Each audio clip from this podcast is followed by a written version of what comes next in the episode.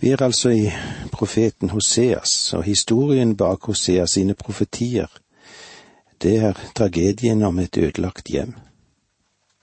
Hoseas personlige erfaring er bakgrunnen for hans budskap. Han stiger frem fra et ødelagt hjem for å tale til nasjonen fra et hjerte som holder på å knuses. Han visste nøyaktig hvordan Gud kjente det, fordi han kjente det samme selv. Hjem, ja, hvordan er hjem? Jo, det er der vi lever, det er der vi beveger oss, og det er der vi er til. Det er hjemme vi er oss selv. Vi kler oss opp eller dresser oss opp både fysisk og psykologisk når vi går ut. Og vi ifører oss ganske sterke roller når vi går ut hoveddøren hjemme og beveger oss ut på gaten eller ut i samfunn, ut blant folket men det er innenfor hjemmets vegger at vi nærmest lar masken falle, og det er virkelig der vi er oss selv. På grunn av dette strategiske punktet i, og eh, den posisjon som hjemmet har, så har Gud reist visse stengsler for å beskytte det. Han har gitt det visse trygghetssoner, fordi hjemmet det er så viktig. Og et av disse er ekteskapet. Gud har viet mer oppmerksomhet på ekteskapet enn han har gjort på noen annen institusjon i denne verden. Samfunnet skapte ikke ekteskapet. Samfunnet fant ekteskapet. Det er Gud som dannet ekteskapet, og han ga det til mennesket. Ekteskapet hviler på hans direkte ord, det. Det Gud har sammenføyet, skal mennesket ikke atskille. Gud foretok den første vigselsseremoni. Han ga bort den første bruden. Og Gud velsignet det første par. Ekteskapet er mer enn en lovmessig kontrakt. Det er noe mye mer enn en økonomisk avtale. Det er mer enn en union eller sammenkobling eller samliv mellom mennesker som gjensidig elsker hverandre det er en Guds akt, en Guds handling, og det hviler på hans klare forordninger, det. Altfor mange tror at det er det eneste de trenger for å bli gift, er en attest og en vigselsmann. Nei, det er nok ikke slik. Skal du ha et gjennomgått lykkelig ekteskap, så trenger du Gud. Om ikke Gud bygger huset, så arbeider det forgjeves som bygger på det. Gud har gitt menneskeslekten en drivkraft slik at han kan reprodusere innenfor ekteskapets rammer.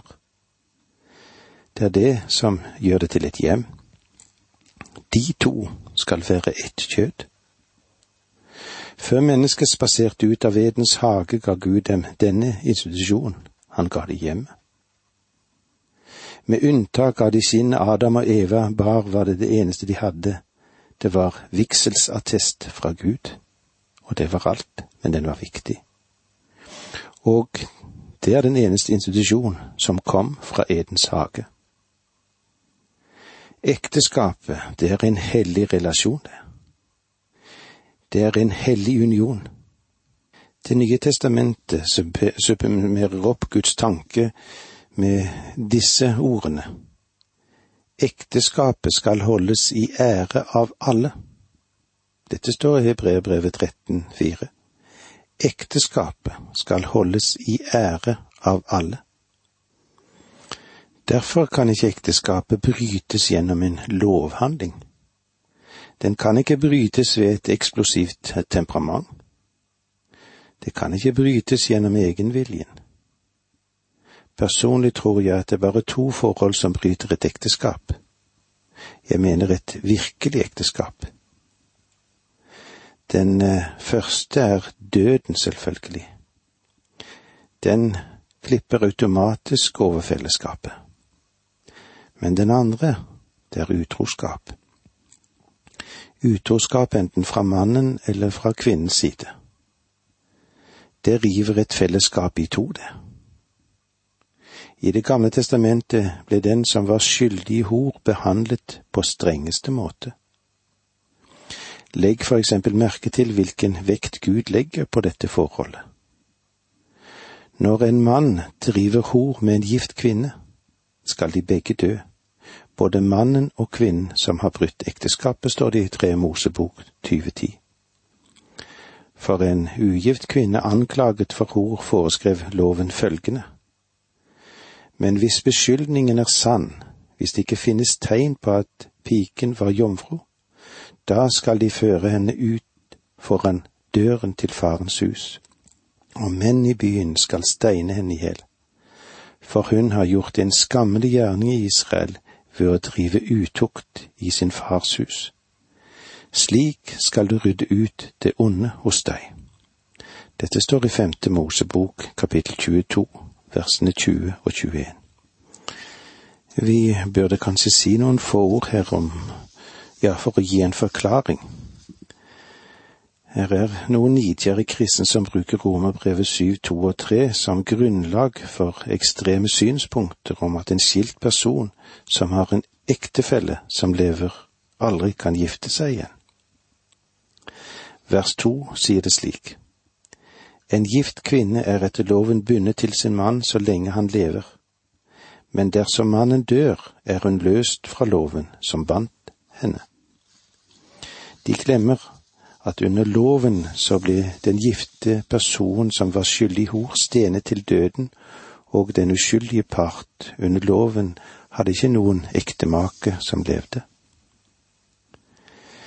Jeg er ikke helt sikker på at Paulus inkluderer dette og eh, forlate et ekteskap under det vi kan kalle for overskriften utroskap. For i første Korinterbrev 7,15 står det slik, men hvis den ikke-troende part vil skilles, så la ham gjøre det. I slike tilfeller er ikke en kristen mann eller kvinne bundet. Gud har kalt oss til fred. Et annet tema som dreier seg om loven, og som trenger noen kommentarer, er henvisningen i Femte Mosebok, som synes å fri mannen fra enhver anklage om skyld. Man kan undre seg på hvorfor det hakkes og hakkes på kvinnen. Er ikke mannen skyldig, da? Jo, men det er to ting du må ha i tankene. Det ene ordet brukt, eh, som brukes alltid, er generisk betydning. Antropos, som betyr menneske eller menneskeslekt. Vi har det samme i de gamle lovtekstene. Vi må også huske på at ekteskap er et bilde på Kristus og menigheten, og han er aldri skyldig, men menigheten er skyldig. Skriften lærer ingen dobbeltrolle, men jeg tror at den gir oss en forståelse av forskjellige standarder. Personlig tror jeg at Gud brukte mer finmekanikk da han skapte kvinnen. Derfor, når noe går galt, så veies hun sterkere enn mannen. Det er ikke det at synden er verre på den ene eller på den annen side, men resultatene synes langt mer knusende fra den kvinnelige part. Det er kanskje noe av dette som reflekteres i våre lover når det gjelder forholdet mellom foreldre og barn i en skilsmissesammenheng. Mor er hjemmets sentrum. Gud har plassert en mor i et hjem og gjort henne sentral på det stedet. Det er mor som er basis i hjemmet. Og da er det derfor slik når en kvinne velger en feil retning, så blir tragedien så veldig stor. Ja, den er nesten umålelig. Bakgrunnen for profetien i Hosea sin bok er historien om en fallen kvinne og et opprevet hjem. Det er historien om det som må stå i det, den skarpeste kontrast til Guds ideal både når det gjelder ekteskap og kvinneforståelse.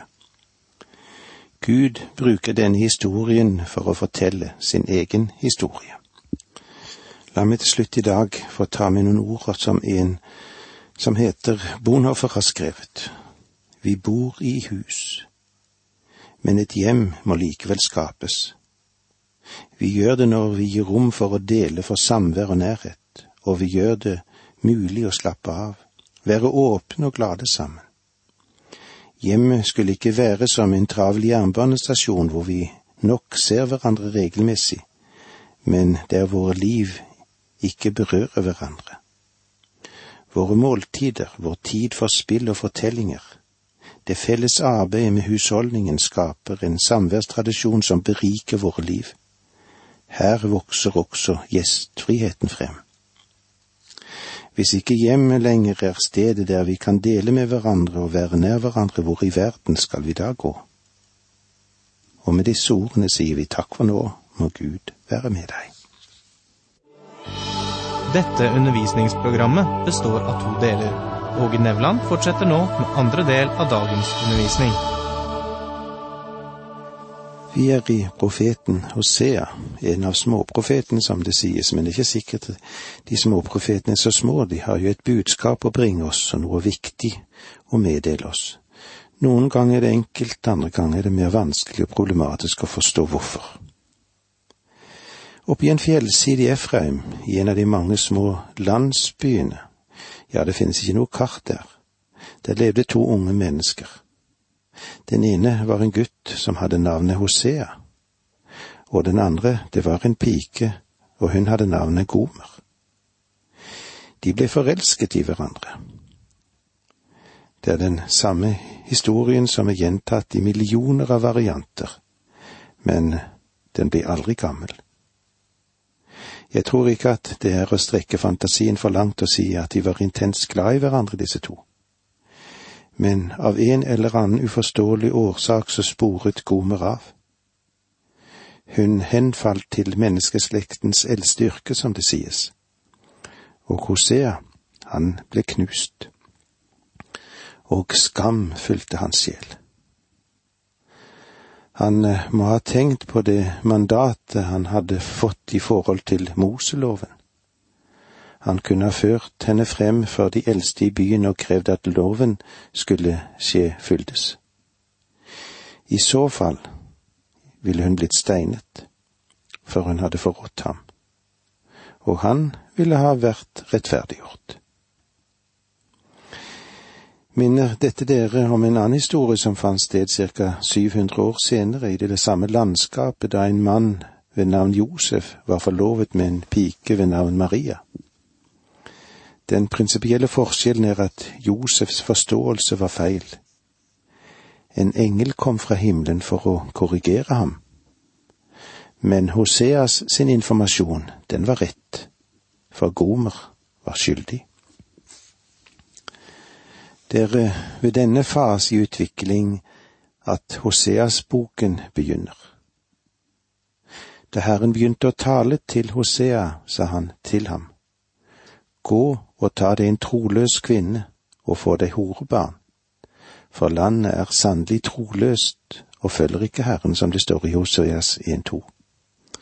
Og så finnes det noen bibeltolkere som er av den oppfatning at dette er bare en allegori, at ikke er egentlig hendte dette. En slik klussing med Guds ord vanner ut til det harmløse oppløsning som gjør oss kvalme, ja, mer enn det kunne stimulere oss til å glede oss over at Gud sier sannheten rett i øynene på oss. La oss se det i øynene. Gud utfordret Tosea til å bryte Moseloven. Loven sa at han skulle steine henne, men Gud sa at han skulle gifte seg med henne. Det Gud ba Hosea om å gjøre, var fått ham til å kjenne et opprør og en revolt i hver fiber i kroppen. Men Hosea bøyde ikke av. Han adlød som han ble bedt om. Han tok Gomer som sin hustru og ga henne sitt navn. Hun kom inn i hjemmet hans som hans hustru. Lytt nå til hva apostelen Paulus sier når han taler om et slikt fellesskap, og det står i første Korinterbrev 6,16. Eller vet dere ikke at den som holder seg til en skjøge, blir ett legeme med henne. Du kan være helt sikker på at sladderen gikk som en løpeild gjennom denne småbyen, og kanskje også i de andre byene som var i nærheten. Hosea sitt hjem ble som en øde øy i et hav av kritikk. Det ble som en lukket avdeling i det lokale samfunn. Selv spedalskhet i hjemmet ville ikke ha brutt kontakten med omverdenen mer effektivt enn dette. Stakkar Hosea. Barn ble født inn i dette hjemmet. Det var tre, to gutter og en pike.